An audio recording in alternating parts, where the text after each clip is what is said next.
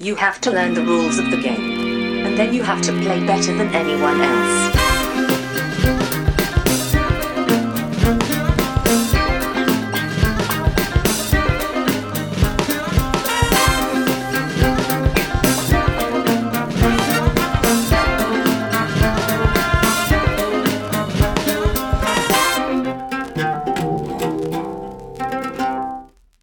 Hej och välkommen till Vems tur är det mellan turerna? Podcasten där vi pratar om spel. Jag heter Marcus Brisman, med mig har jag som vanligt min bästa vän och kollega Starky till min Hutch, Johan Gärderud.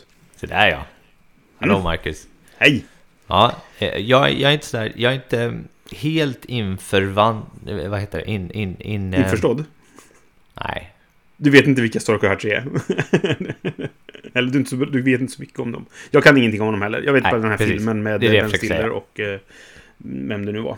De har en ganska så här, karaktäristisk bil va, som de kör runt i. Typ en Mm, röd precis. Ford Mustang eller någonting sånt där. Eh, kanske. Ja, ja så där. Ja, Det var en tv-serie en gång i tiden som hette Starsky Hutch. precis. Och så var det en film men som var med en parodi på den serien. Typ. Just det, och det var ganska nyligen den filmen kom eller? Ja, nu tror jag att du tänker på sådär som vi gamlingar gör. Att nyligen var 2016. Ja, precis. Då det kanske var från. Ja, det är Jag vet inte. Men det den var typ så här den- med Owen Wilson eller något. där. Ja, det var, oh, eh, det var nog Owen Wilson och eh, Ben Stiller tror jag. Ja, eh, och den har jag inte sett. Men, men kul. Nu måste jag kolla upp detta. Okej, det var värre än vi trodde. Nyligen sa du? Ja, 2004? Ja, ja men det, det är inte 70-tal i alla fall. Är det inte, är det inte Nej, 70, 75 kom tv-serien. Ja, precis.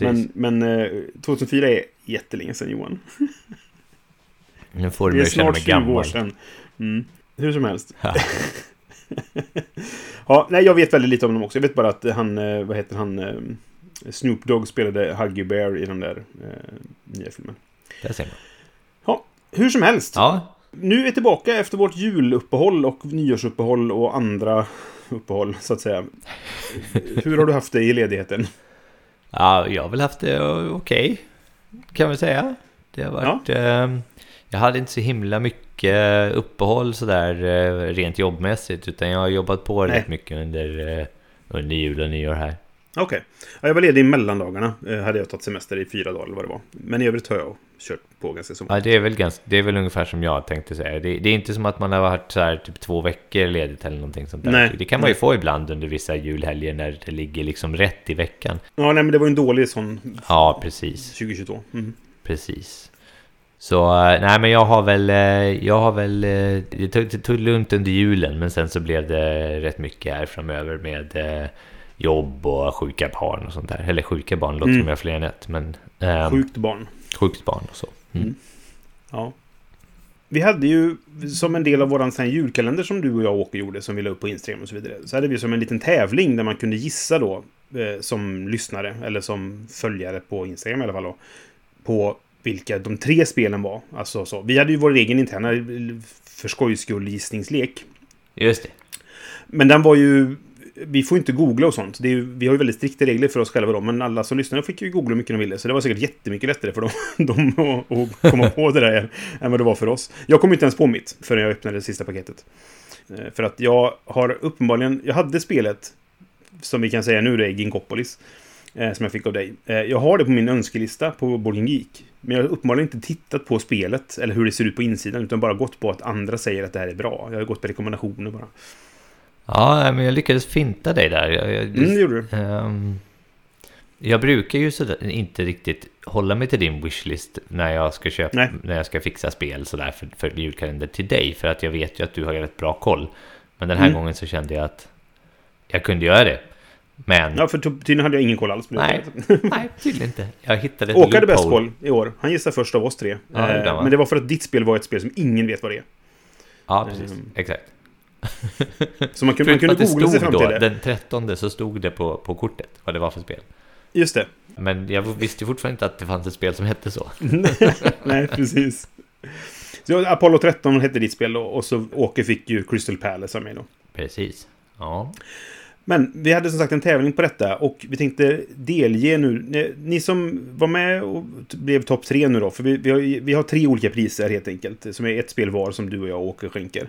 Och ni kanske redan fått ett mejl om detta och har fått välja era spel. Men vi, vi tillkännager det här nu då vilka som är vinnarna. Så att eh, trumvirvel Johan så får du säga eh, vem som är etta, två och tre. Ja, Okej, ja men eh, då ska vi se här. Eh, Det här är ju faktiskt ganska remarkabelt för att eh, jag tror att den, den vinnande gissningen kom ungefär när den vinnande gissningen så att säga av den som gissade våra spel först kom. Om jag minns rätt. Du menar vå- våran vinnande gissning? Ja, precis. Och Åkes gissning var det väl? Ja, precis. Mm, Okej. Jag tror att det var ungefär samma datum. Men ehm, Ja, coolt. Jo, för den, den som kommer etta nu i våran tävling, alltså bland lyssnarna, det är ju helt enkelt den som skickar in rätt svar på alla tre först. Så du kunde inte Precis. riktigt skicka in ett svar i taget i tre olika mejl. Men den som då vid första tillfället skickade in alla tre svaren fick. Och då, nu har ju inte vi riktigt det fokuset att vi måste gissa på alla spel, men, men, men det här är alltså ett, ett svar på alla tre spel som kom den dagen den första av Ja, oss hade luskat ut sina spel. Mm. Eh, tror jag. Jag mm, ja, i alla fall. Låt oss säga vi, så. börjar, vi börjar från eh, nerifrån då. De, eh, vi har ju tre stycken eh, vinnare. Mm. Den 14 december, på plats tre då, Mm. har vi Samuel Alvin. Okej. Grattis Samuel. Ja, som gissade... Då kommer du få det spelet som inte väljs av ettan och tvåan helt enkelt. Ja, precis. Du har inget val i vad du får för spel. Men i alla fall, ja, du får ett spel. få ett spel. Mm. Och sen, faktiskt, två timmar tidigare samma dag Okej. så skickade vår vän Elias Kukkola Zettervik sin, sina gissningar. Ja, Lelle. Mm. Ja, så han kommer tvåa. Ja. Grattis Lelle. Och med era trumvirvel, första plats tar eh, Henrik Densler som skickar in sitt den 12. 12, ja just det. Linsler heter han nu för tiden när han är gift. Men det kanske är så att hans mail fortfarande säger Densler. Sant. Eh, Jag ber om ursäkt Henrik, du har faktiskt skrivit under med Lindsler. eh, Men eh, din mailadress säger Densler. Just det. Ja, Precis, ja. Nej, jag, jag känner ju Henrik, så att... Eh, välj mitt spel så slipper vi skicka det. Som sagt, du har antagligen redan fått eh, välja spel så. Men det var grattis Henrik till första platsen då. Då får du första king på något av de här spelen som jag och, och, och Johan skänker helt enkelt. just det. Ja, det var väl kul. Ja, det var en rolig, rolig kalender i år. Det var, jo, det var väldigt kul faktiskt. Jag kände mig... Det var väldigt kul att få bli lurad för en gångs skull. För jag tycker ju att jag gärna kommer på det så här tidigt. eh, Och då, då är det ju halva nöjet slut liksom. Nu var det en huvudbry hela tiden och det var skoj, tyckte jag. Jag tänkte på det här i, i kontexten spelåret 2023. Att jag fick ju faktiskt förra året det bästa spelet jag spelade under 2023. Ja, 2022. Under Tänker du på? 2022, förlåt. Ja, ja just det. Jag blir förvirrad. Men det Men det är inte från det året då, så att, ja. 2022-spel. Liksom. Nej, precis. Mm. Nej, för du fick det ju 2021. Teoretiskt sett fick jag det 2021, ja, men jag spelade det ju 2022. Precis. Mm. Vi kommer komma till det där sen. Ja. Vi, vi ska, vi, det är ju det som är temat nu då för det här eh, avsnittet. Spelåret 2022 helt enkelt. Men vi ska, först ska vi eh, avklara våran, eh, vad har vi spelat programpunkt. Så att vi, vi går till den direkt tycker jag.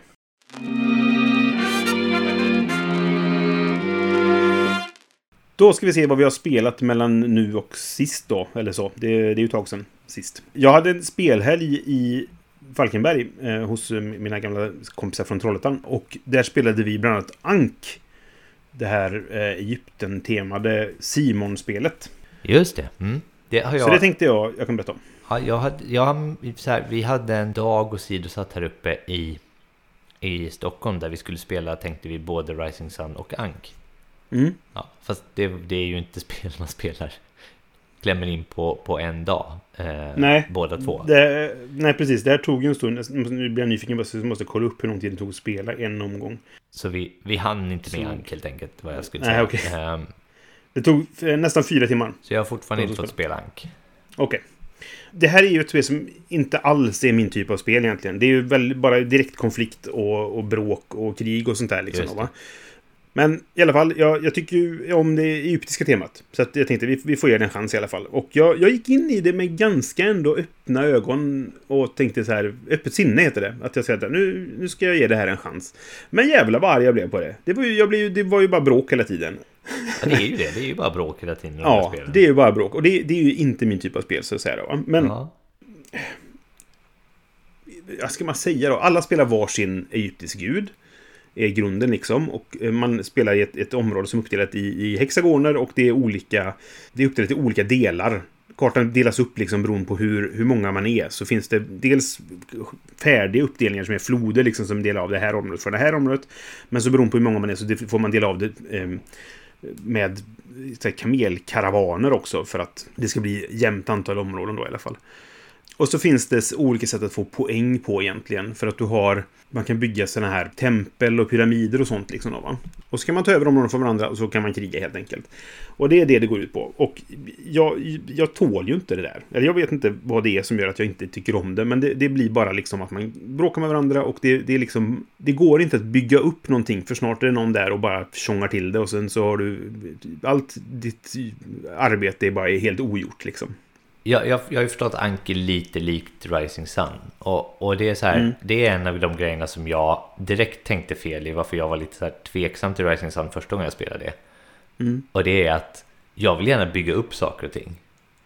Mm. Men i de spelen så, när du väl har fått dina poäng, eller jag vet, jag ska inte säga för mycket Frank, men i Rising Sun är det i alla fall så här, när du väl har fått ditt poäng för, för den platsen du har byggt på, då mm. har du ingenting för att behålla det längre.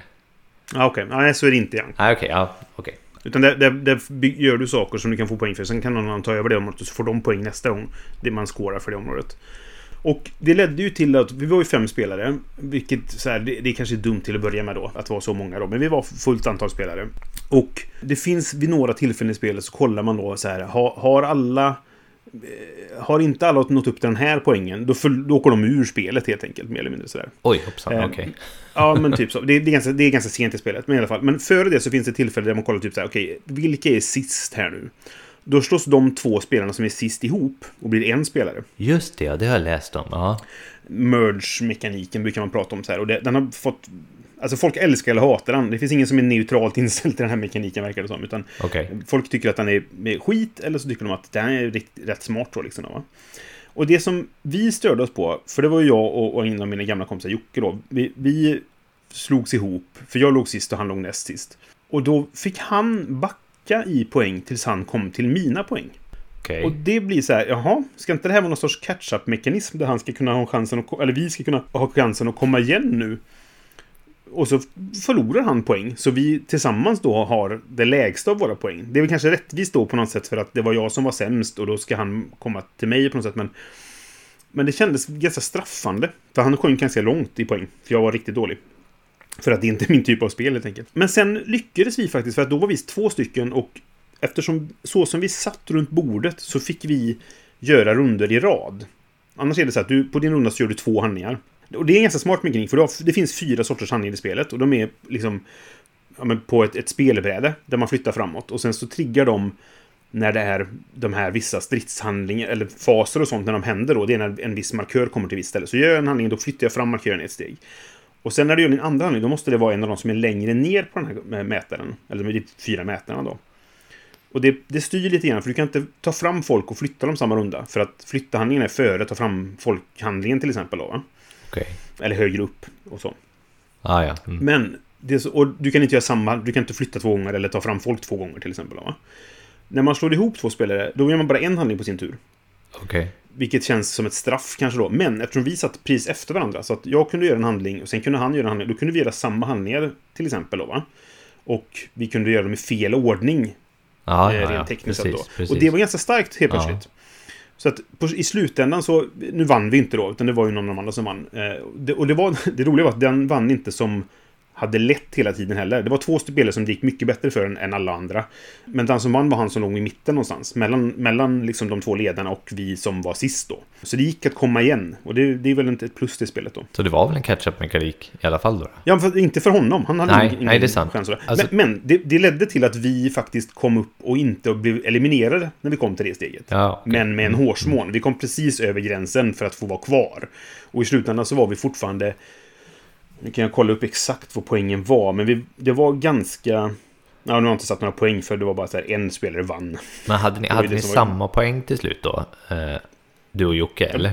Jag och Jocke, vi följdes ju åt. Ja, vi, precis, hade, vi var ju en spelare. Det fanns inget sätt att skilja er på. I, nej. nej. Nej. Men vi, vi var hyfsat nära i alla fall att, att vi, det gick bra för oss. Men vi hade ett par riktigt, riktigt bra rundor. Det vi, kanske tack vare att vi fick göra på det sättet då. Så det var väl kanske en catch-up-mekanism, men de, ja, hade vi inte tappat hans poäng till mina poäng, då hade vi nog vunnit. Och då blir det lite för starkt kanske. Eller vi har inte vunnit, vi hade haft en bra chans. Eller så hade folk slått på oss mer för att vi hade, ja, jag vet inte. Ja. Det, så att, det är inte min typ av spel, men det var inte så dåligt som... Jag, jag var jättearg på spelet ett tag. Och var verkligen så här, nu bara spelar vi klart det så jag slipper skiten liksom. Men eh, allt eftersom det gick, och för, framförallt för att jag fick någon att samarbeta med. Att jag kunde sitta och liksom så prata med någon och bara, vad gör vi nu liksom? Då kunde jag, för jag, det, är så att jag är inte bra på den typen av spel, men tillsammans kunde vi bli hyfsade då i alla fall. Ja, ja, ja. Eh, Jocke är nog bra på det, så jag, jag drar ner honom till min, halvvägs till min nivå kanske. Då gick det som, då är vi som en normal spelare typ. Ja. Men i vilket fall, men fina figurer och sådär. Men, men det, det är inte spel jag kommer spela igen. Nej. För att jag Eh, har sålt mitt ex. Så jag, jag kommer inte kanske vilja spela ifall någon annan säger ska vi spela Ank så kommer jag säga nej. Okej. Fair enough. Ja. Vad har du spelat? Jag har spelat ett spel som heter Perseverance. Ja, just det. Mind Clash, va? Ja, Mind Clash. Och det är då... um, Det heter något mer också. Det heter eh, Castaway Chronicles. Okej. Som en skeppsbruden. Ja, just det. Häng med nu så får du storyn. Ja. Det är alltså ett kryssningsfartyg som är ute och, och kör och så blir det storm. Och så kommer det, öppnas det en dimensionsportal eller någonting. Så kör det igenom där, flupp. Och kommer ut och förliser på en ö. Där det finns dinosaurier. Check. Ja. Och då blir det typ olika formeringar då. Det, det blir så här survival. Så att det blir olika formeringar under ledare som kommer fram av de som var passagerare på det här kryssningsfartyget. Så det är Lost fast med dinosaurier och en båt istället för flygplan. Ja, precis. Just precis. Men, men typ där besättningen är fortfarande kvar som någon slags råd, som så här äldste råd, för de blev så här informella ledare då, och de har olika liksom ansvar för olika domäner av liksom den communityn som byggs upp. Mhm. Så då måste man fjäska för. Och då är det ett egentligen ett Tower Defense-spel, för att spelplanen är så här, Okej. ja, Det, var, det förväntade jag mig inte att det var det som skulle vara nästa ord du skulle säga. Ja, Ja. Mm. men eh, så är det. Det är en kakafoni av eh, olika mekaniker och eh, handlingar.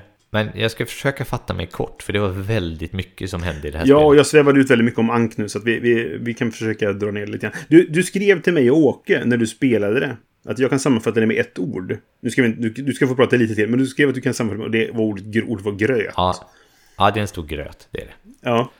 Men jag ska försöka, jag ska försöka redogöra lite för eh, hur det funkar, varför jag säger att det är ett Tower Defense-spel. Ja. För att det, där, där här fartyget har strandat så finns det en strand och där har man byggt olika läger. Så spelplanen är indelad i fyra stycken zoner. Mhm. Och din runda är typ worker placement. Du gör en action i någon av de här zonerna och så får du ungefär kan man säga det som den zonen är till för. Om det är typ så här mat eller s- eller soldater eller någonting sånt. Så man kan så här träna då gamla passagerare eller passagerare från det här skeppet att bli soldater i ens faktion. Eh, Ja. Ja, eh, och sen, och sen men när du gör det här, då, då gör du liksom ljud då. då. Så då kommer Mhm. dinosaurier och försöker liksom eh, ja, äta upp dig. Jaha. Ja. Och då fylls de... Du, de här du gör spelmekaniskt ljud. Jag fick för mig att man så här, när du gör det här så måste du då göra rätt ljud till rätt kort. Så att när du spelar eh, med liksom soldatkortet så måste du... Ja, nej, det var inte så. Nej, precis. Så var det inte. Det är som i Clank, helt enkelt. Så det kommer dinosaurier. Mm. Och de kommer i varje område längst upp. Och så när det har kommit tillräckligt mycket dinosaurier, då bryter de igenom och attackerar just det området. Okej. Och då ska man försvara det. Man kan göra det på olika sätt. Man kan bygga barrikad. Eller så kan man lägga traps. Eller så kan man sätta dit sina soldater då, som, som typ skjuter ner dinosaurierna. Om, om det inte är raptorer, för då dör de också, soldaterna. Men, men i alla fall. Och sen då, då så kan du också bygga huts då på de här olika sektionerna också. Och sen har du en, en leaderfigur då, så att du, du har inte bara dina så här, soldater, utan du har också en leader och den leadern kan gå runt och göra lite olika saker. Antingen kan den vara med och slåss när dinosaurierna kommer, eller också kan den göra actions på brädet då. Mhm. Och så finns det en aspekt av när man har gjort alla sina, typ en dag eller vad fan det kan vara i spelet, så är det så här en, eh, en assembly och det är då man går och, och fjäskar för den här före detta kaptenen och styrmannen och sådär va. Deras rådslag och där får man annat fjäsk. Men en av, en av handlingarna är i alla fall att lägga ja, influenskuber på de här. Och den, sen så förvandlas det till röster också. Men det har att göra med hur många gubbar du har i varje sektion av spelplanen. Så att man har typ först den här lilla sessionen med, med de här och då är det liksom den som har satt mest influenskuber som, som får något fjäsk. Och sen så kollar man på hur många gubbar man har i respektive liksom ränna. Och ut efter det så kan man få olika votes som sen styr hur mycket poäng man får i den här assemblyn. Det vill säga hur många followers, hur många av de passagerarna som är kvar som följer din gubbe. Ja. Och så ska man ha mest followers då. Mm. Och det är en jäkla massa olika handlingar som gör lite så här, typ ja, här gör det så att du kan bygga en grej och göra en sån här. Här kommer det tre dinosaurier om du sätter det här. Här kommer det två dinosaurier om du sätter det här. Och lite sådär, man hela tiden en massa olika val som man måste göra. Varje runda blev liksom ganska mycket AP. Mm. Och sen så kunde man såklart, i och med att det är inte bara Tower Defense då, så är det också Area Control i och med att man ska ha en högst influence sen i slutet. Och man får ju såklart poäng att genom att väldigt förenklat får man poäng genom att döda dinosaurier. Mm. Man får också poäng om man fokuserar på kanske att bygga upp istället då. Så att det finns jättemånga Okej. olika sätt att få poäng på också. Ja, ja. Ja, stor röra i alla fall, allt, allt det där. Jag tyckte att spelet var väldigt så här, storyn är lite av en stretch, men det var lite kul så här, det var en så här storybok med, för det var en Kickstarter-grej och... Det kändes som att läsa det om- här eh, eh, liksom, samhället som byggdes upp av... Det gick väldigt fort. Hur det bara föll fort. samman och inte var så att nu ska vi överleva tillsammans utan vi blir grupperingar direkt.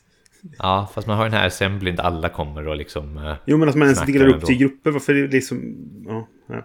Ja, nej, Nåväl. eh, det är lite oklart varför, varför dinosaurierna är så systematiska så att de går på ol- olika delar av stranden hela tiden också. Men, men ja. i alla fall, jag, jag tyckte att det var väldigt mycket att göra. Det tog, spelet tog väldigt lång tid Mm. och jag eh, blev väldigt så här...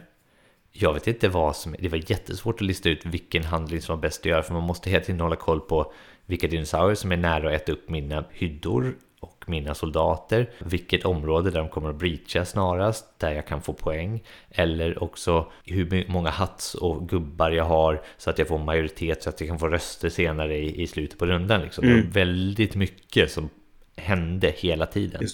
Så jag, jag tyckte att det var så här, ja, Ja.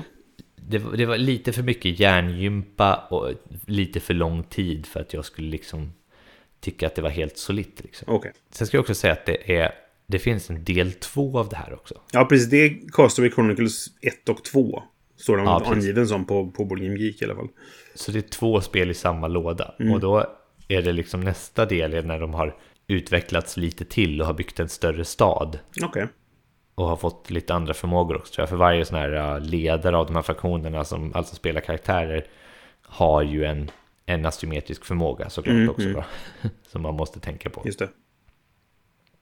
Så jag spelade någon som var väldigt duktig på att lägga traps för dinosaurier. Men för att få poäng för alla mina traps som jag la så var jag tvungen att ha mest röster med en av de här gamla eh, besättningsmedlemmarna. Ja, det, var väldigt, det var väldigt mycket så här typ. Sen hade jag inte oändligt antal traps heller utan jag var tvungen att lägga till slut så blev jag så här, ja men jag, har, jag vill lägga fler traps men det får du inte för det finns inga fler trap, Ah, trap okej. tokens för dig. Ah. Mhm. Så, ja, det var väldigt mycket sånt där som var lite så här, ja, det klickade inte riktigt. Nej, okej. Alltså jag, jag har eh, lite svårt för Mindclash-spel. Jag har inte spelat jättemånga av dem, men, men så här... Jag, jag, jag går inte igång på det på något sätt. Jag vet inte riktigt vad det är. Jag, nu får jag säkert flera av våra lyssnare emot mig, men jag, det känns som att de är tunga bara för att vara tunga. De är komplicerade för att vara komplicerade och det är ju, det är ju tufft att gilla tunga spel och därför så är de populära liksom. Lite som den här Fredrik Lindström-grejen, det är tufft att gilla stark mat liksom. Och det är tufft att gilla tunga spel och därför så gillar man Mind Clash. Men jag, jag går inte igång på det. Jag vet inte om jag tyckte att det var ja, tungt. Mm. 4,21 Det var- det var ligger mycket. weighten på, Okej. på, på Geek. Vad sa du att den låg på? 4,21. Hoppla, okej. Och den, ja. Men den, den visar ju också lite grann hur, hur komplicerat det är. Inte, alltså det är ju det vikten där betyder Precis. liksom då va. Det räknas som medium heavy tydligen fortfarande bara. Vilket tycker jag, är det över 4? Det är det väl ändå. Fast heavy kanske är över 4,5 eller något sånt där. En sak jag ska ge det dock Mm. är att ikonografin var ganska bra. Man, man ser, när, så fort man har gått igenom reglerna, vilket var, tog ganska lång tid, Mm. då flyter spelet på ganska bra. Det är inte så många frågor kring, kring det. Liksom. Eh, det är väl mest, det är väl mest men det är, det är varje runda blir det liksom analysis paralysis Mm. för att man, man måste liksom hålla på. Det spelar inte så stor roll. Det är klart, de, de andras action har ju också en effekt på vart du kan ställa dig till exempel och såna här grejer. Mm. Men ofta är det typ så att du måste hålla på och tänka liksom kring hur allt det här hänger ihop. Liksom. Och den, Ja. den av oss som hade spelat det förut hade stor fördel för att den visste hur allting skulle gå till liksom, och vad Just det var bra det, att ja, ja. ställa och såna Mm. här saker. Jo, men det är klart. Eh, så att, och, det är klart, precis, på ett sånt spel. Så, men jag, jag tänkte så här, ja, men jag kommer nog inte spela det här igen. Men jag, jag skulle kunna tän- tänka mig spela alltså volym 2. Ja, precis, för att få fortsättningen då, liksom, och se Mm. vad som har hänt då. Ja, men det är lite kul. precis. Ja.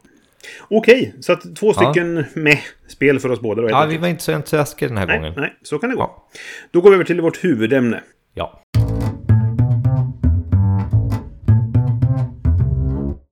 Vi ska alltså sammanfatta spelåret 2022, förra året Ja. nu då, eh, helt enkelt. Ja. Nu. Är det, nu är Ja, det förra tack, året. tack, precis. Jag måste ha koll mer, mer koll på mina årtal. det är inte så lätt Jag helt har enkelt. hoppat lite här och sen tycker jag också att eh, 2004 var alldeles nyss tydligen. Ja, att, precis. eh, ja. Eh, Nyligen, ja. Så jag tänkte, vi, vi, vi delar upp det i lite olika eh, delar sådär. Vi kommer att prata om våra topp fem spel från året. Alltså som har släppår 2022 nu då. Vi ska prata lite grann om våra bästa upplevelser. Vi ska se om vi har spanat några trender. Och eh, jag tänkte vi ska ta upp lite statistik från året. Vill vi göra det från, från våran eh, Board Game Stats-app? Det kan vi göra, definitivt. Det finns ju en, en grej som heter Insights. Som man kan se då helt enkelt och, och kan kolla på 2022. Hur mycket man har spelat och med vem och så vidare. Va? Japp, och man måste betala för den tror jag. Det vi kan vara så att Eh, det är är en av de här någonting. grejerna. Vi pratade ju om det här med Ja. vår app här och de, det, det är en av de här grejerna som kommer med. Det kan vara så. Jag, jag har ju faktiskt betalat för... för så jag, det kan vara att... ehm, Jag tror Insight är en sån grej man får betala för. det är möjligt. Men, men ja. det gör ju vi. Ja. Så. Eh, så att eh, 2022 har jag spelat 258 gånger. Vilket är ungefär i paritet med tidigare år. Kan man säga. Det är lite mindre än eh, före pandemin kanske då. Mm. Förutom det abnorma året 2018 då jag spelade 428 omgångar. Jag vet inte vad jag gjorde det året. Jag tror jag spelade väldigt mycket korta spel. Och det är 92 olika spel har jag spelat. Ja, Hur ligger du till där? Vi pratade lite om det här i min spelgrupp om typ att vi, man, man kanske hade kunnat tänkt sig att typ 2022 var det året man återhämtade sig liksom från pandemin. Mm. Så att man skulle egentligen ha en uppgående formkurva här. Just det. Ja, precis. Mm. Och jag, jag tror att några i min spelgrupp har verkligen ansträngt sig för att det skulle kunna hända och de var inte särskilt bra på att spela online under tiden. Nej. Men för mig så är det ganska konsistent med de senaste åren så att jag har mera en typ så här småbarnseffekt i mitt spelande som Mm. håller i sig och det verkar inte riktigt vara det verkar vara oberoende om man spelar digitalt eller, Ja, just det. Precis. eller, eller in person. Ja, nej, och, och jag har ju... Mitt spelande har ju inte kommit igång. Min, min reguljära spelgrupp, vi, vi har svårt att träffas jämfört med tidigare. Så jag, mi- mitt spelande har väl generellt gått ner. Men jag har haft Ja. flera stycken sådana här tillfällen då jag har spelat mycket. Vi har haft en spelhelger och sådana saker. Eh, Ja. Och av de här 258 placen så är ju 63 av dem Ark Nova.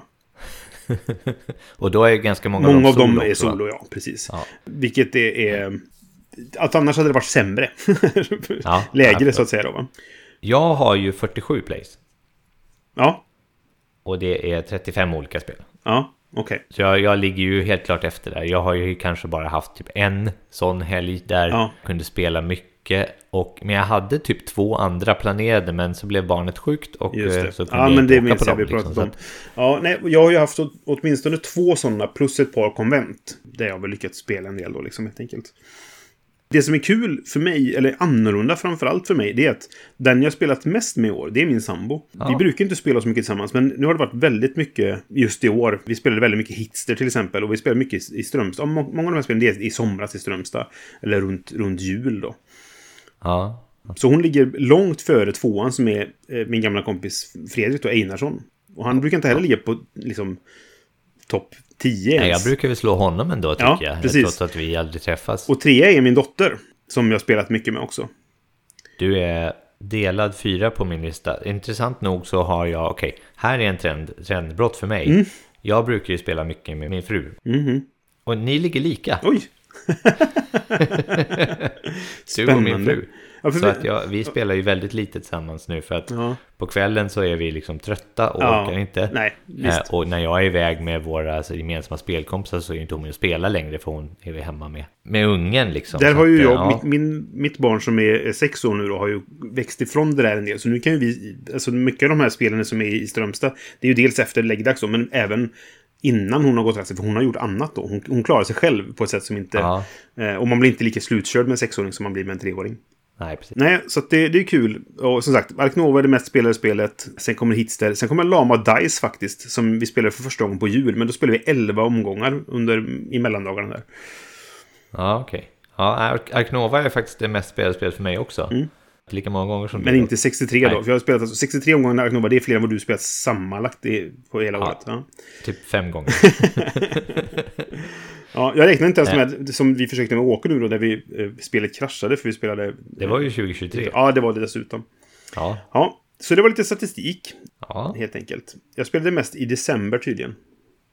Enligt, Eh, vänta nu här. Jag spelade mest i oktober, vilket är inte jättekonstigt Men då var vi på då var det. SM. Ja, precis. Nej, och det, den är, det är en topp för mig också. Men den är fortfarande bara på... Sen är det sommaren, juni, juli är högst.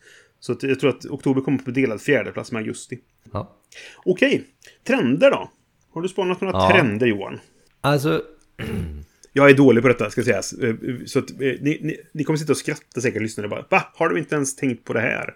För att jag, jag är jag, alltid i efterhand kommer på. Ja, just det, det är ju också en grej, ja. Om någon annan nämner något. Så, här, ja, just det, det stämmer. jag, jag har, jag, några, några trender har jag väl här, som tänkt på. Jag vet inte om jag har, eh, om jag ligger rätt i det här. Men det var så här, om, jag, om man tittade på SN-listan så var det några saker man hajade till på direkt tyckte jag. Och det var typ eh, musikfestivalspel och musik i största allmänhet var mera i, i integrerat med spel kände jag med, med Hitster och, och det fanns någonting annat också som var som var om musik, Lacrimosa till exempel. Ja, precis. Lacrimosa och vi hade det här eh, Come Together. Och det fanns ett till festivalspel som du säger Precis, då. ja, det var det jag var med med Ja, festivalspel. precis. Come Together och så var det andra festivalspelet som jag inte tror kom till SM till slut. Nej, jag har för mig att det blev så. Det men det var med på listan. Så det var väl en grej då. då.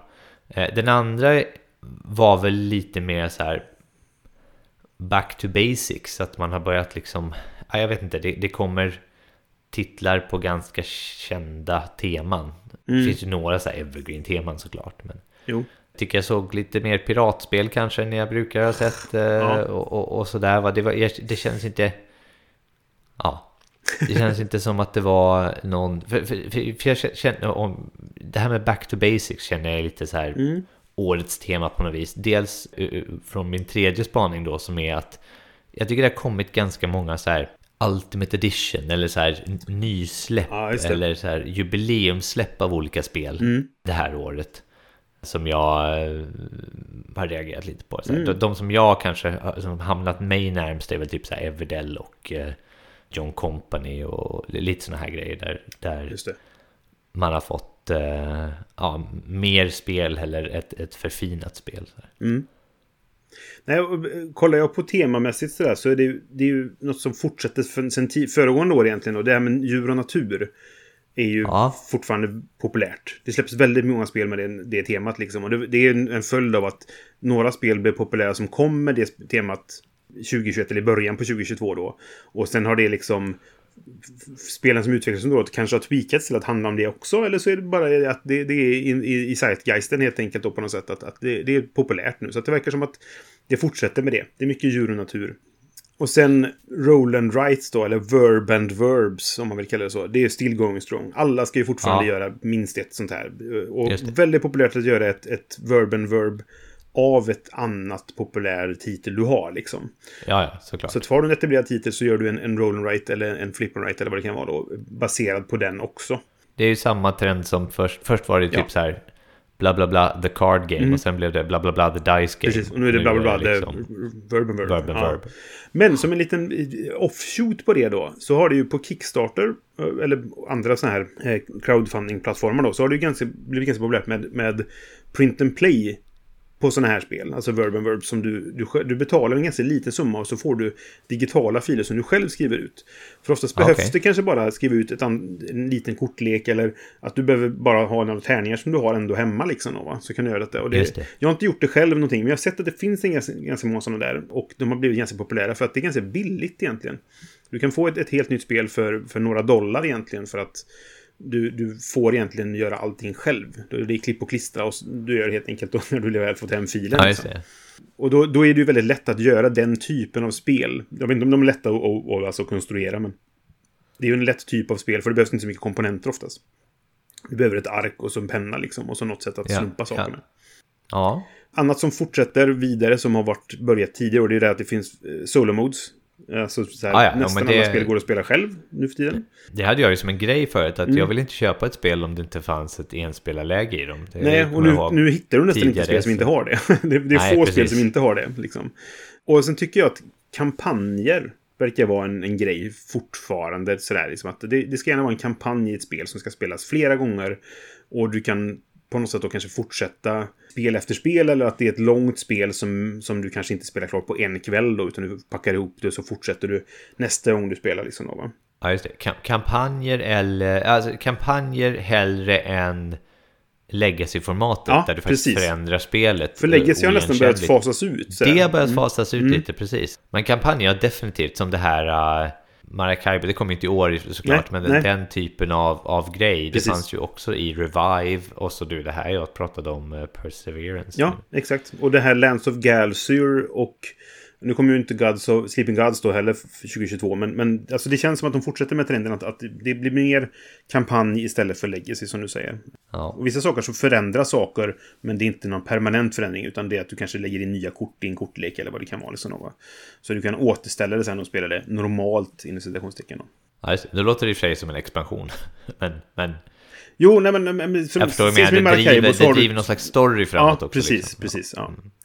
En negativ trend, hur man nu vill se det då, det är ju prissättning och sånt. För där har ju generellt priser gått upp. Och det är ju för att dels så är det ju, alltså konjunkturen är som den är. Men det märktes ju också då att i, i, i samband med pandemin när priser för frakt och sånt ökade och det höjdes priser då för tillverkning även på, på Kickstarter exempel så märkte väl tillverkarna att folk betalar det här ändå.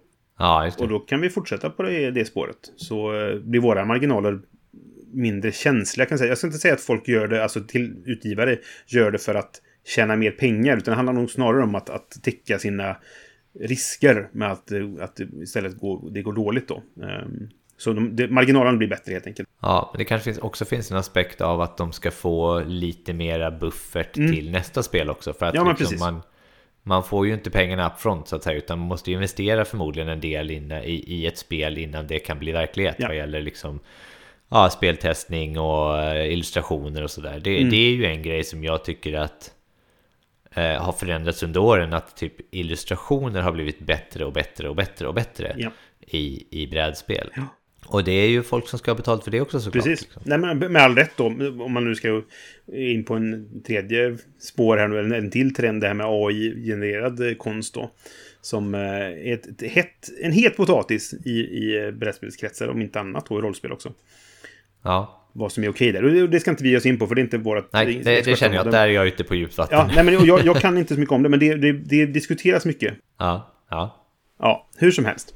Ja. Eh, har du någon mer trend på lut, eller ska vi prata om våra bästa spelupplevelser? Jag känner så här, det var ju roligt att vara tillbaka på Essen liksom. Mm. Eh, och jag vet inte om det är en trend, eh, men det, det är ju en, en grej att liksom att jag tyckte mässan var större än någonsin och mera spel än någonsin. Mm. Eh, och det kanske har det du säger med att det kanske Ja, det är lite svårare med produktion just nu så kanske tillverkarna tar lite mera eh, betalt men å andra sidan kanske de har råd att synas lite mer då kanske eller, eller Mm. eh, sådär va? så att, eh, och sen var det många stora tillverkare som inte kom till SM det ska vi också komma, komma ihåg Mm. liksom. så att, jag vet inte om det är en trend men det känns som att det på något sätt är jag, jag, jag, kan för lite om industrin för att säga att eh, brädspelsindustrin gick starkt under pandemin men jag tror ändå den gjorde det för att Jo. det känns inte som att eh, det märktes liksom ingenting av pandemi och lågkonjunktur när vi var i, eh, i Essen, kändes det Nej, det var ju något som kom i början på, alltså inte pandemin utan lågkonjunkturen. Eh, men, men alltså, ja, eh, branschen i stort stärktes väldigt mycket under pandemin. Och nu, nu, nu baserar jag detta på saker som jag har sett andra skriva, så det här är ingenting som jag själv har kommit på liksom. Men det, det, det ökade väldigt mycket och det, det som händer det är inte som att folk pratar om att det är en bubbla som kommer spricka. Och det, det tror inte den här som jag läste nu, att det, det, är inte dit vi är på väg. Men det kommer få effekter av att det släpps för mycket spel just nu. Det släpps ja. fler spel än vad folk köper. Framförallt då. Flera, flera liksom mindre aktörer kommer falla ur. De kommer kursa helt enkelt. För att de, de, de såg... Alltså, pandemin gjorde att folk köpte mer spel. För att du var, du kunde, det kunde du fortfarande göra. Fast du var instängd ja. hemma liksom så här, då, va? Och ja, du kunde beställa på postorder och så fick du hem det liksom, va? Och folk ja, kickstartade grejer och så vidare. Och det, marknaden kan inte riktigt hålla uppe det när, nu när vi går tillbaka till ett normalt liv inom citationstecken. Va? Ja, det verkar eh, rimligt. Mm, vilket gör att, att det, det, kommer antagligen bli flera mindre aktörer som kommer köpas ut av andra eller gå i konkurs helt enkelt. För att de, de, ja. det släpps för mycket saker för vad marknaden kan ta, liksom, om man säger så. Och jag tror du har rätt ja, i det. Det tror jag du har rätt. Det kom mycket spel på, på spel och sådär. Det var, det var, mässan var mindre i antalet besökare. Men jag tror att ja, det var jo, fler ja, spel kanske per, per utgivare. Eh, och du har utgivare som tidigare släppt kanske ett par spel om året släppte nu kanske fem, sex spel. Ja, och sådana saker då. Och, och det, det, Jag tror inte, eller den här jag läste då tror jag, jag håller med om det. Att jag tror inte att det håller mm. i längden att, att, uh, att göra så. Sen det är det fortfarande inte en bubbla som kommer spricka. Vi kommer vara kvar, men jag tror att, att de som uh, köpte mer spel som alltså inte är hobbyister som vi är, de kommer inte kanske fortsätta i samma anda och då kommer liksom en del av marknaden försvinna där helt enkelt. Då. Just. Men det, ja, det, det, det där, är helt orimligt. Jag, jag, vet inte hur mycket sanning som är det. Men jag tycker det var en intressant artikel. Det var någon som har skrivit det här eh, någonstans som jag, jag tyckte var intressant att läsa. Jag tror jag länkar den till dig Åke, men jag kommer inte ihåg ifall vi diskuterade någonting. Hur som helst, vad är dina bästa spelupplevelser från året då? Vi har ju nämnt Spiel redan och den, den ligger ju på topp för mig också. Det var ju en, en, en fantastisk upplevelse att få vara tillbaka i, i Tyskland och träffa folk och spela spel. Ja, precis. Och det har vi pratat i ett helt avsnitt om, så det behöver vi kanske inte gå in på ja, jättedetaljer på. Nej, precis. Men den är ju en höjdpunkt helt enkelt. Mm. Nej, men det, det, det, är en av de bästa upplevelserna från året. Brädspelsåret. Ja, precis. Mm. Men jag ska väl nämna två saker då i sådana fall som mm. jag så, så jag kommer komma ihåg. Det ena är en mera så här. Vi har haft en ganska bra reguljär spelgrupp mm. som har träffats nästan varje vecka på eh, lokal pub liksom. Och kunnat spela. Och det har varit roligt. Det är jag ju lite avis på dig för att det, det, det, har jag haft tidigare. Ja. Och har tappat till stor del nu. Ja, nej, men det har inte, vi har inte varit så organiserade innan, men nu ja. har vi verkligen blivit det efter ja, pandemin på något vis. Liksom, att man kommer ur sitt skal lite och sådär. Mm. Det är jättebra. Uh, och så har vi hittat ställen som, där vi är liksom välkomna också, så att ja, det, är det är bra. Mm. och den andra vad gäller spelupplevelsen, och nu, om nu om vi nu pratar liksom ett, ett enskilt spel, mm. upplevelse med det spelet, där måste jag faktiskt ta upp John Company. Okej. Okay. Jag tycker att den, den upplevelsen, den som vi hade då, jag pratade om det här när vi satt i typ 5-6 timmar till klockan ett på natten ja, och spelade precis. jämranspelet. Men just att jag hade liksom en slags ingång där att jag skulle liksom, nu ska jag spela John Company. Jag hatar det här spelet, men jag ska tänka bort det nu och mm. vara väldigt liksom så här, gå in i det på, på något sätt all in. Och det funkade och jag hade roligt. För att om jag hade varit liksom vanliga mig själv och inte satt på mig den där masken, då hade jag förmodligen eh, haft ganska tråkigt mm. mot slutet av kvällen liksom. Eller eh, ganska direkt. Eller inte ens kanske orkat ta mig dit. Nej. Så att... Eh, Ja, de två grejerna vill jag nog kanske nämna här då. Mm. Jag kan, förutom Spiel då, så har jag också två punkter på min lista. Och dels, dels är det så här, ja men de här eh, tillfällen då jag fått spela och förkovra mig i spel utöver Spiel helt enkelt. Vi har, jag har varit på två konvent i år. Jag var på Gothcon och jag var på Borås, Borås spelkonvent. Eh, och det var väldigt roligt. Jag var på, dessutom på Retail Day i Köpenhamn. Jag blev inbjuden med Asmodee. Och det var Just det. jättetrevligt. Jag träffade mycket folk där nere. Jag fick eh, sällskapet med Micke, som är en eh, fantastisk människa som jag tycker är jättekul att umgås med. Där, där vi fick åka dit tillsammans och träffa folk där. Och vi fick ja, men, lära känna nytt folk helt enkelt. Och, och bara förkovra sig i brädspel sådär. Jag har haft de här brädspelshelgerna och jag har varit på Brädspelsmania i Trollhättan två gånger. Eh, det. som är en, en arrangerat där. Också jättetrevligt. Där jag också lärt känna lite liksom, nytt folk och fått spela med folk jag inte känner så väl. Och det har varit väldigt trevligt. Att man kunnat göra det igen också då. Det här med hela pandemigrejen. Att man kommer tillbaka till det igen. Att, att få ha brädspelsdagar liksom. Ja. Och sen vill jag nog nämna, eftersom Charlotte nu då var, var den som jag spelat mest med i år, med stor marginal då, så får jag ju nämna att, att två väldigt trevliga spelupplevelser jag har haft med henne. Och det är ju dels när vi spelat Hitster, väldigt mycket i Strömstad. Det var i somras så var du där, jag och Charlotte och så hennes syster. Vi spelade flera omgångar per kväll liksom sådär, där vi körde. För Ja, vi, ja. vi fastnade i det här spelet helt enkelt. Och sen spelade vi också en sån här Exit-julkalender nu i december då. Ja, just det. Eh, Och det var också en jättekul upplevelse. Vi var aningen frustrerade vid vissa tillfällen. För det var vissa ledtrådar som var typ så här, vad är detta? Liksom så. Men vi hade väldigt kul. Man fick läsa lite historia. Och det, var, det är ju mest trams där, liksom. men, men det var väldigt kul att få göra det varje dag. Vi satte oss liksom ner och, och, och så gjorde vi dagens lucka. Och den leder ju fram till nästa lucka och sådär. Så det var, det var en väldigt kul eh, spelupplevelse tillsammans då. Den kommer vi nog göra flera år helt enkelt. Så det kan bli en, Kul. en, ny eh, tradition helt enkelt. Ja. Bra. Vi pratade om besvikelser. Jag tycker det är tråkigt. Ska vi skippa det? Ja. Eller vill, har du något du verkligen vill nämna? Nej, nej, jag har inget eh, sådär. Ehm, jag är besviken att jag inte fått spela mer spel och särskilt mer spel från i år. Eh, jag, jag kände att även om vi var på Essen, jag tänkte fyra dagar va, så kände jag att vi spelade inte så mycket som jag hade Nej. tänkt mig. Nej. Men det var ju, jag hade ju inte varit på flera år. Nej. Jag hade inte varit på två eller var tre år va. Så att jag hade väl någon slags, någon slags dröm där om att jag skulle liksom få spela så jättemycket. Men det, det brukar vi inte göra. som- Eller så. Eller inte jag, ska jag säga. Men, men Nej. eh, Ja. Nej, precis. Men jag hade väl någon form av liksom romantiserad eh, bild där som inte riktigt upplevdes Mm. på det sättet. Då. Men, men det har ju att göra med mina förväntningar och liksom... Jo, det är klart. Just att vi var där och, och hade lite saker som vi var tvungna att göra också. Mm, liksom, så att, ja. Nej, och jag kan väl vara besviken på att jag inte fått spela med min vanliga grupp mer. Eh, för att Ja. det, är, det är trevliga människor som jag vill träffa och spela med. Liksom. Men det är, folk har eh, nya hobbys och eh, mindre tid och plugg och allt vad det är. Så, att det, ja. Så blir det ju. ja. Okej, ska vi gå in på våra topp fem spel från 2022 då helt enkelt?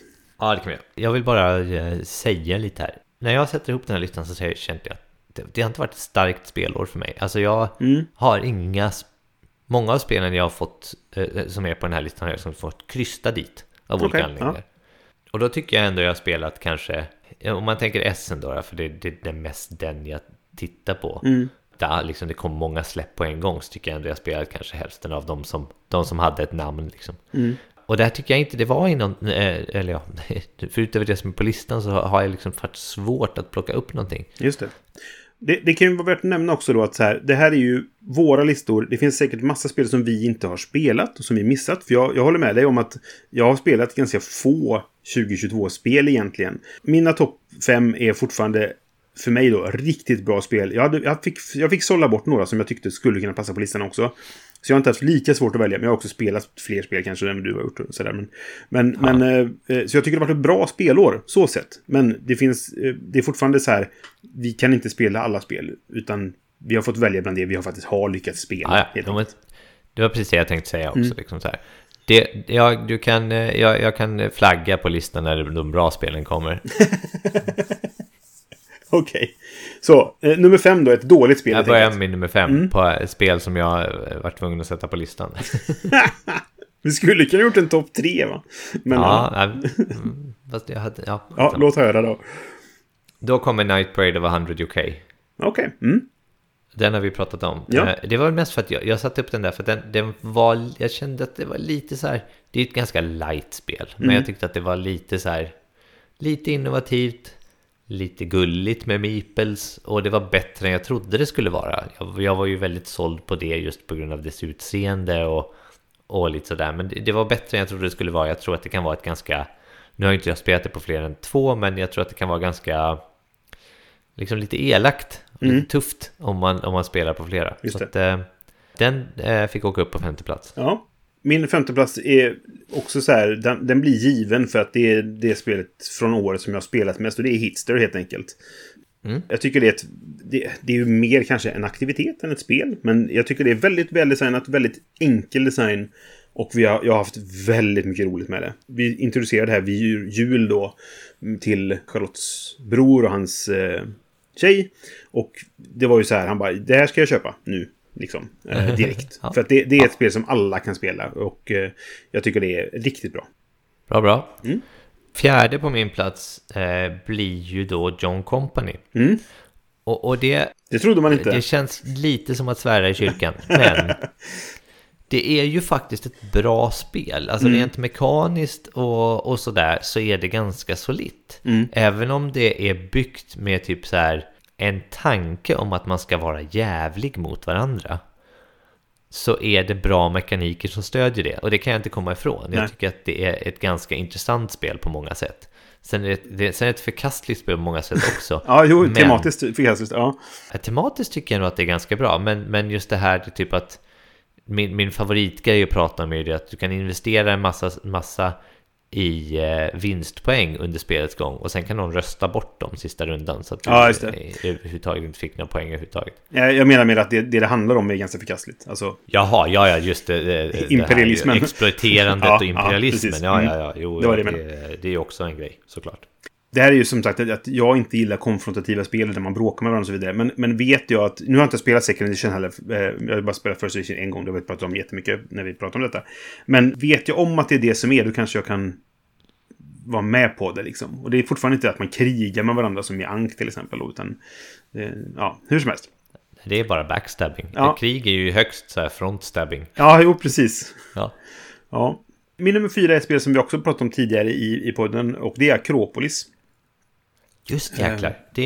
det, det vill jag spela. Ja, det tror jag du skulle gilla faktiskt. Det, det, det är också återigen väldigt smart design med ganska små medel egentligen. Som jag sagt tidigare, jag är nästan övertygad om att det här blir en, en Spelets nominering. Kanske inte vinner, men jag tror att en nominering tror jag nästan är given för det här spelet. För det är, det är mycket smart med, med ganska små medel. Liksom då, um, och ett spel som jag verkligen skulle vilja spela mer.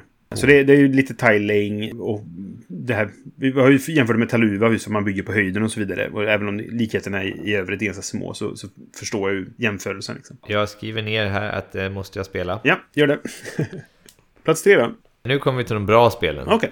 taget. Så jag har spelat tre bra spel i år alltså. Taget. Mm. Ja. Och på tredje plats har vi kanske lite otippat, för det trodde jag verkligen inte att jag ens skulle få spela det. Okej. Okay. Men uh, Starship Captains. Mm. Ja. Det som du skrev ett rim till om du kommer ihåg. Just det. Men inte är det Star Trek. Men det är inte Star Trek. Nej, precis. jag spelade det häromdagen, eller härom, här, härom sistens. Och jag tyckte att det var, det var så mysigt. Det var så här, mm. du brukar prata om arbetshästar. Mm. Jag, jag, vet, det var liksom som en huskatt. Alltså mm. typ så här, det kom där och det la sig på bordet och man kelade med det på något vis. Det var, det var, väldigt, det var just bara väldigt trevligt tyckte jag. Det var inte, inte så elakt mot varann.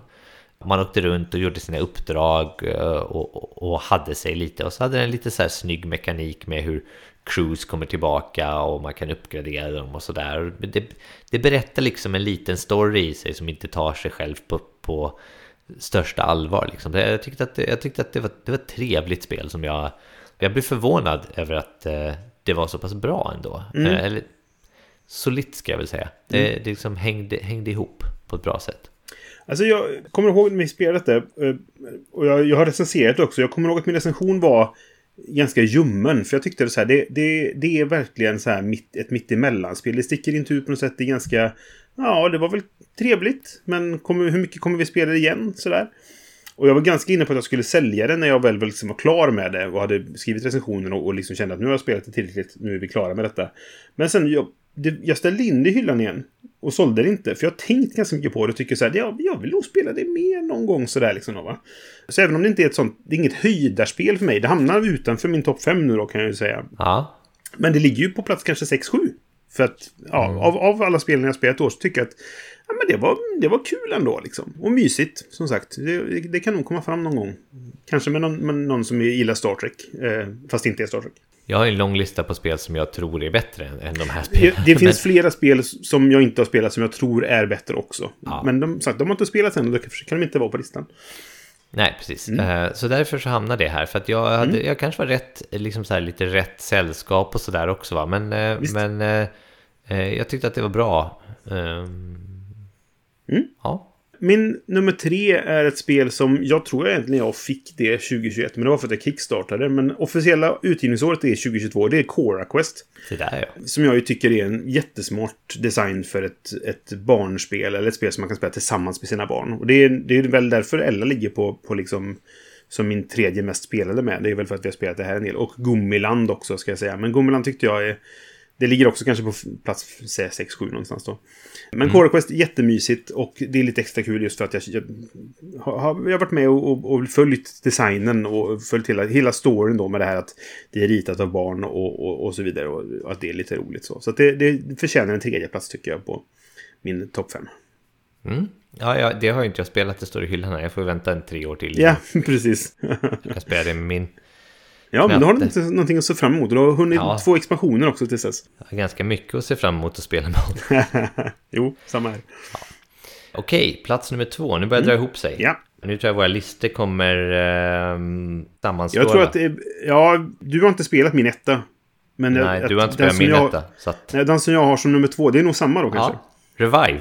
Ja, Ja. det är min tvåa också. Och det har vi pratat om. jo, för det spelade vi i- i Essen på hotellet där. Ja, första precis. kvällen när vi kom dit, helt enkelt. Och det, det, jag tyckte att det var så, det var lite, det var lite innovativt. Det var lite innovation här. Ja. Eh, Ja. Just hur man använde korten eh, och så att det var olika aspekter. Det var liksom lite, ti- inte tile laying men så här tile flipping, jag vet inte vad det heter, men explore, exploration liksom. Och, Ja, eh, precis. Mm. och så den här jättekonstiga liksom maskinen med olika rör där man skulle gå runt eh, upp och ner och fram och tillbaka. Mm. Och sen fanns det ju en story där, men, men Ja, den var ju dold precis. i kampanjen så vi visste inte Ja. riktigt vad det handlade om.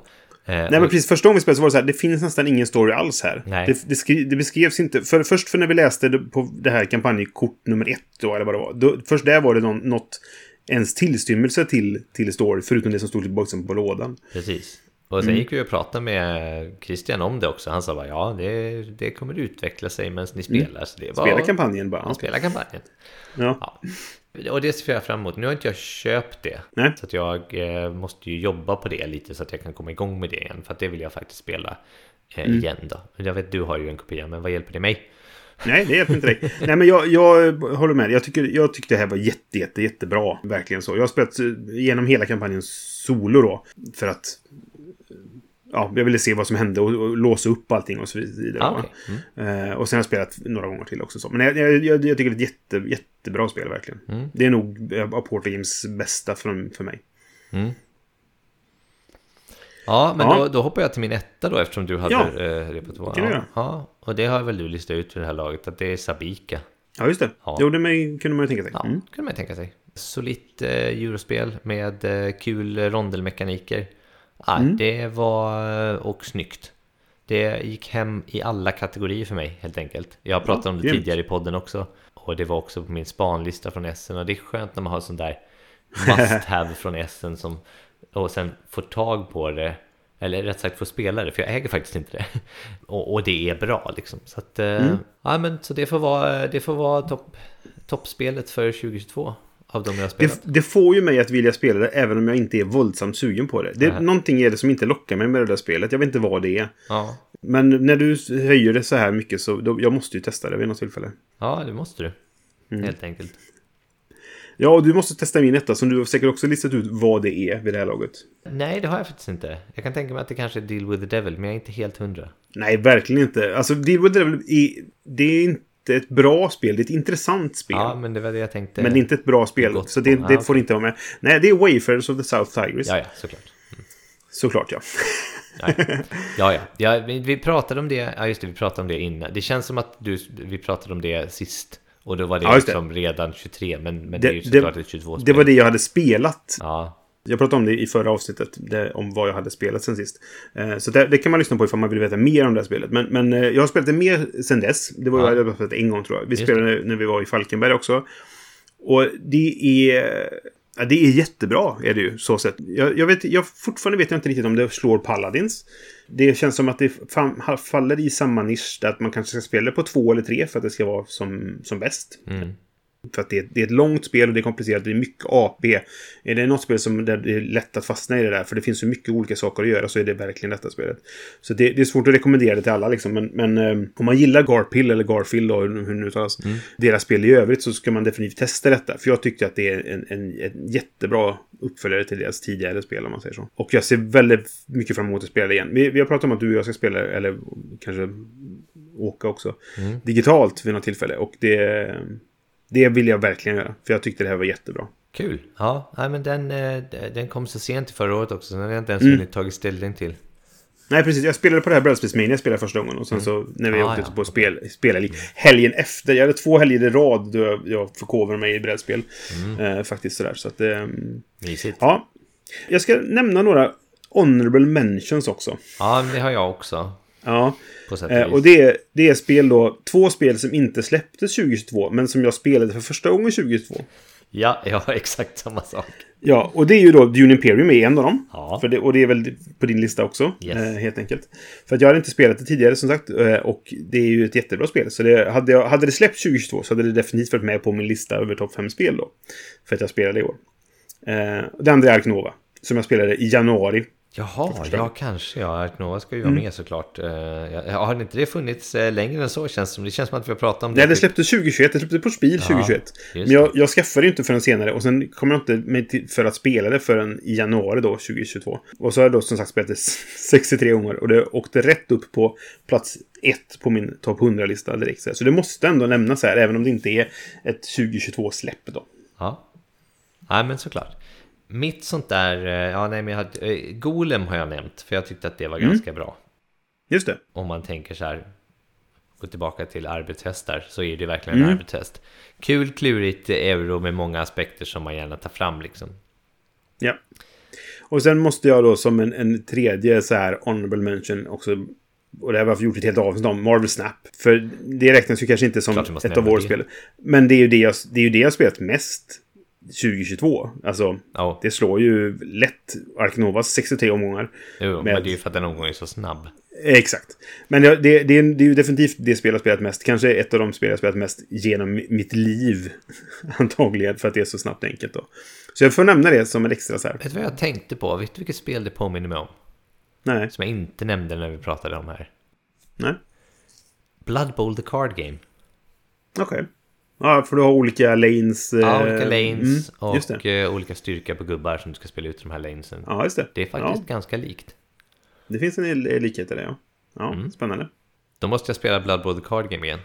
Ja, precis. Känner vi att vi vill knyta ett snöre där kring 2022 helt enkelt. Jag tyckte att det var ett bra år. Alltså, eh, även om min spelgrupp inte riktigt har, har återfunnit sig och kanske aldrig kommer återhämta sig så som han var förr i tiden. Så jag har spelat en hel del.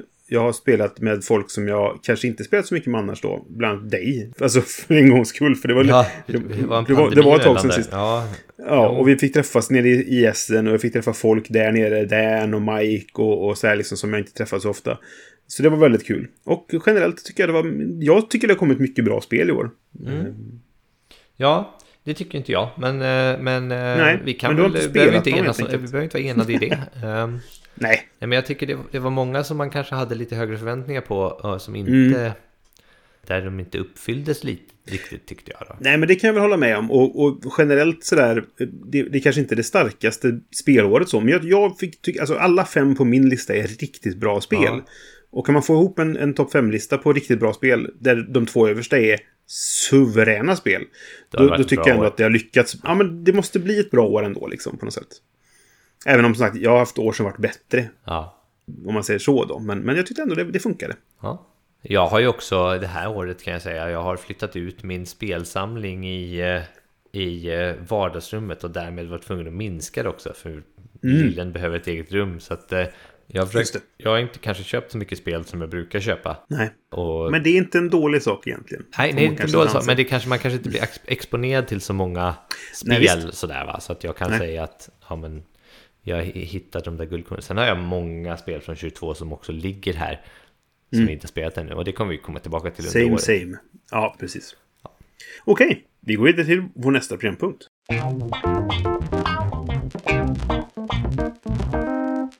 Vi har kommit fram till inte ett speltips-tipset. Där vi ska tipsa om någonting som inte är ett spel. Ja, jag kommer bryta mot det här nu då, för att mitt är ju ett spel då. Men det är ett digitalt spel, så att det räknas Ja, ja, men det har vi gjort förut. Vi, Mm, har precis. man fuskat en gång så, så Då är det lätt att fortsätta. Då är det lätt att fortsätta, ja, precis. Det, det, jag, jag tänkte väl, eller så här, jag, när jag kom på mig själv är det ofta som man säger en gång ingen, ingen gång. Men nu har vi verkligen satt det här i system. Ja, men precis. Ja, Och det här är ju dessutom då ett, ett, ett sånt här roguelike lekbyggarspel som är väldigt likt ett brädspel. Men det bara råkar vara i digital form. Och det, det behöver väl vara det då. Det är ett spel som heter Roguebook. Roguebook. Ja. Som jag inte kände till förrän jag såg Sig Garcia spela Slay the Spire. Eh, Som jag ju gillar väldigt mycket. Ja. Och då var det andra som tipsade honom att har du, gillar du det här då ska du även spela eh, Griftlands som jag pratade om i ett annat avsnitt. Och det här Roguebook då. Jag bara, nu måste jag kolla upp vad det här är för någonting. Ja. Och det är ju som sagt, det påminner en del om, om Slay the Spire. Jag vet inte vilket som kom först, om man ska vara helt ärlig. Det har jag inte kollat upp. Men eh, storyn här är att, att det finns en, det är en bok då som man blir instängd i med sin karaktär. Och så ska man lyckas besegra bossen för att frigöras ur boken, bla bla bla. Okej. Det är ett tema med det här för att du har penslar och bläck som du måste använda för att utforska kartan som är då boken för att hitta alla encounters och alla prylar och grejer man kan hitta som är fördelar och sånt då. Va? Okej. Och sen är det, du får encounters, eller helt enkelt får strida mot fiender då helt enkelt. Där man spelar kort då för att göra skada på dem och för att skydda sig mot skada. Precis som i Spire och liknande sådana här spel. Då. Mm. Det finns fyra karaktärer och där tycker jag styrkan ligger i då att du varje gång du spelar så använder du två karaktärer. Så du har en huvudkaraktär som tar med sig en annan karaktär. Och sen kan man hitta prylar då som kan klaffa olika bra med deras förmågor och så vidare. Men, men de fyra katterna har ganska olika spelstil och olika lekar. Mm.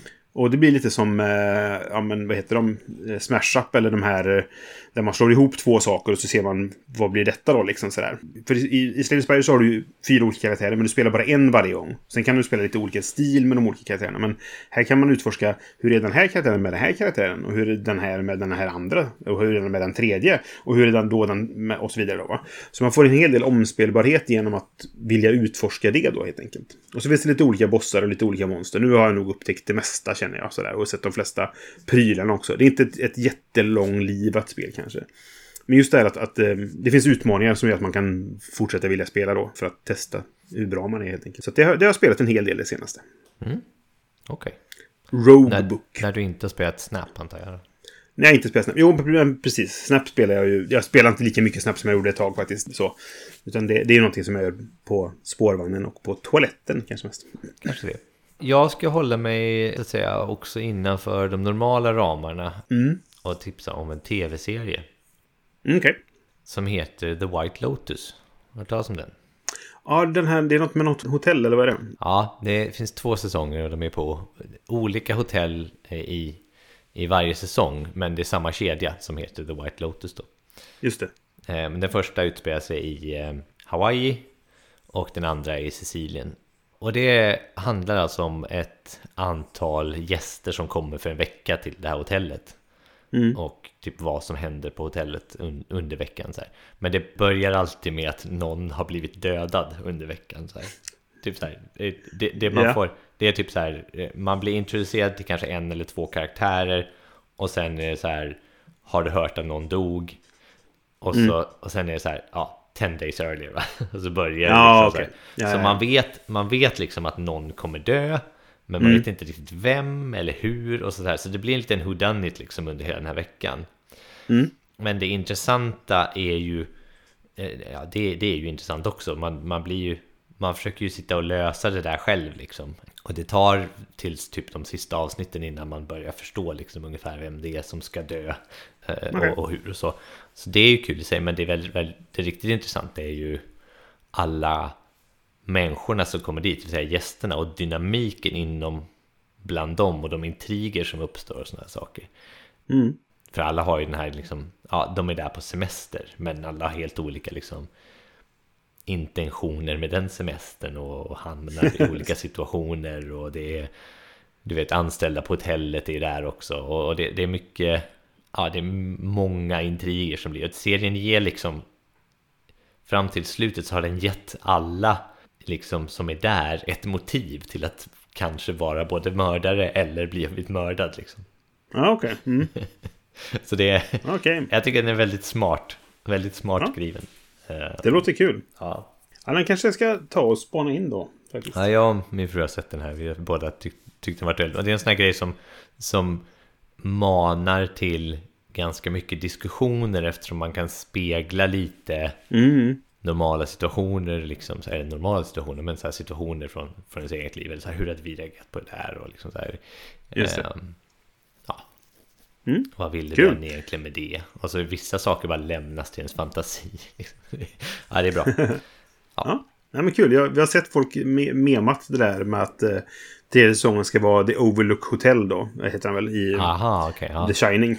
Det är ju bara folk som skojat om, men det är lite roligt. Ja. Ja, okej. Då går vi till vår sista programpunkt.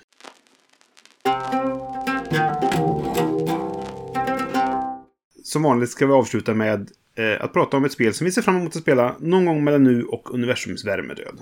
Mm. Vad ser du fram emot att spela Johan? Jo, nu ska jag ta favoriter i pris. Det, det är alltså någonting du, du har nämnt förut men inte spelat fortfarande. Ja, precis. Men Ja. det här tog, det, här, det är ett spel som var på min radar, jag vet inte när jag backade på Kickstart och så tog det så här jättelång tid, du vet. Ja, ja. Och jag fick någon slags typ försändelse någon gång när vi spelade in vårt avsnitt om Core Quest med Dan. Och då tog jag upp det då som vad jag såg fram emot. Och ingen av er hade hört talas om det ens. Nu minns jag inte vilket det kan ha varit, men ja, spännande. Och nu i Essen så hade spelet en presence, det fanns på listan och det fanns ett bord. Eh, Det stod i ett hörn mellan två andra bås. Och det var en Okej. kille som stod där hela mässan. jaha. Det är ett spel som heter Shogun no Katana. Ja, ja, ja. Som Just det. handlar om, man är så vapensmed i, eh, i en provins i Japan och så ska man göra svärd, så här statussvärd i princip till, till alla länsherrar då i den här provinsen man, man agerar i samt att man ska också eh, smida sitt så här pet, pet project, det, är, eh, vilket är ett svärd till shogunen. Och Mm. eh, då ska alla göra liksom bäst svärd. Liksom. Och skillnaden nu är att jag har ju fått spelet. Just det. och suttit och tittat på det och jättegärna velat spela det. Och jag tror att det här kan vara ett ganska mysigt spel också. Då. Jag, jag, jag, om jag, jag läst reglerna jag känner att det kanske inte är så här sjukt innovativt. Men jag tror att det kan Okej. vara ganska, ganska mysigt bara. Så jag ville försöka få till att spela det när vi hade det här avsnittet. Men det blev inte så. så att, Och då, då är det, det är mer inom räckhåll att kunna få spela Ja, det nu. Det är närmare nu än värmedöden i alla fall. Ja, precis. Så kanske Mm. nästa, eller i alla fall två avsnitt ska jag nog fått det till bordet känner jag. Ja, kul. Ja, jag, kommer ihåg att vi såg det på den här spelutställningen på Årsbil där. Just att vi. Mm. var nere och tittade. Där, där stod det uppställt. Men det var ingen som kunde prata om det där, var för mig. Vi såg det bara uppställt. Ja, ja men kul. Då eh, hoppas vi att du kan berätta mer om det om eh, ett par avsnitt eller så. Det blir liksom en följetong. Om man lyssnade på det första Mm. avsnittet så lyssnar idag och sen kanske jag lyssna när jag verkligen pratar om spelet också. Ja. se, se hur mycket jag har hypat det. Men det är kul också när vi, när vi pratar om ett spel och sen så kan det vara, faktiskt vara med som ett har spelat senare helt enkelt. Ja, Ja, jag ser fram emot att spela ett spel som jag skaffade nere på. Som, det var väl inte ett spelsläpp. Det kanske var det europeiska släppet möjligtvis. Jag, jag minns inte. Men det var Resist, hette det. ja, ja just det. Mm. Resist. Resist. Ja, eh, utropstecken. Som Det är handlar den här helt enkelt om... spanska eh, Ja, motståndsrörelsen, va? Mm. Ja, exakt. Jag har hört väldigt mycket gott om det här spelet. Det är ett solospel. Ja. Alltså en, enbart solo. Det går inte att spela fler helt enkelt. Men väldigt snygga illustrationer. Jag har läst reglerna till det. Det verkar ganska enkelt. Men ändå som att det blir lite att man berättar en story om det. För att man kan spela kort de här eh, motståndsmännen och motståndskvinnorna som man har då i sin grupp. Det, de, de kan spelas som upptäckta eller inte och sånt. Hur det nu är då. Så det känns som att man, man kommer berätta en story en del om det. Ja, man upptäcker lite grann vad som hände då. Eller så här, det, det, det är ingen... Jag vet inte hur stor den, eller stark den liksom, historiska speglingen är. Och väldigt snyggt. Lite udda, annorlunda illustrationer. Jag tycker det ser väldigt fint ut. Och väldigt många har sagt att det är väldigt bra. Så att eh, det ser jag väldigt mycket fram emot att, få till bordet. Okej, ja, nej men... eh, är inte det lite av en trend också? Att man, jag tycker att det finns mer och mer starka solospel som kommer ut. Där man liksom skiter i Ja. att det ska vara en malt utan man gör ett liksom snyggt förpackat solospel som bara är ett solospel. Mm. Jo, men det finns en del eh, och har väl kommit en del. Fast det är kanske inte en trend för året, utan mer snarare... Nej, precis. Någonting som har växt fram. Ja. Jo, precis. Men, ja, men som du säger då, som att vi, om vi nämner eh, att, att det finns, de flesta spel har en solo-mode nu då, så, så har det även kanske kommit fler renodlade solospel som inte har varit så populärt kanske ett, ett tag då. Eh, Mm. Ja, nej, men ja. Det, det låter väl spännande. Jag, jag, jag gick inte riktigt igång på det när jag läste om det, men, eh, men jag har hört också mycket gott om det, så det kan vara en som Ja. jag har missat. Jag, vill, eh, jag, är, jag är nyfiken på att höra vad du tycker om det när du väl har fått till Ja, men du nämnde ju Dan nyss och, och Dan är ju en person som, som kan vara väldigt så här surgubbig eh, angående att, och spel och så vidare. Men han tyckte väldigt mycket om detta och då Ja. känner jag att då, då är det någonting som är värt att eh, sätta tänderna i helt enkelt. Ja, jag förstår. Okej. Då är vi igång igen Ja, med vår utgivning för 2023. Och det är kul just det. Så att, eh, eh, har ni några tankar om, om eh, hur spelåret 2022 var, kära lyssnare, så får ni jättegärna höra av er på de olika kanalerna som finns. Ni kan kommentera när avsnittet släpps. Ni kan eh, mejla oss på brisse.spelradio.se eller johan.spelradio.se. Ni hittar oss på eh, Spotify till exempel. Ni finns på vår hemsida spelradio.se. Vi finns på Facebook och på Spotify heter vi eh, Vems tur är det? Där hittar man oss om man söker på spelradio på de flesta ställena. Hör jättegärna av er ifall ni har tankar eller idéer till framtida avsnitt. Nästa avsnitt antagligen kommer vara faktiskt ett som är från en lyssnare som har hört av sig och vill att, att vi ska prata om ett ämne. Så att eh, det finns alla chanser att om ni vill att vi ska prata om något speciellt, att höra av sig då helt enkelt. Musiken är gjord av Robin Landahl och våra grafik och illustrationer är gjord av Gary King. Så hörs vi igen nästa avsnitt. Hej då! Hej då!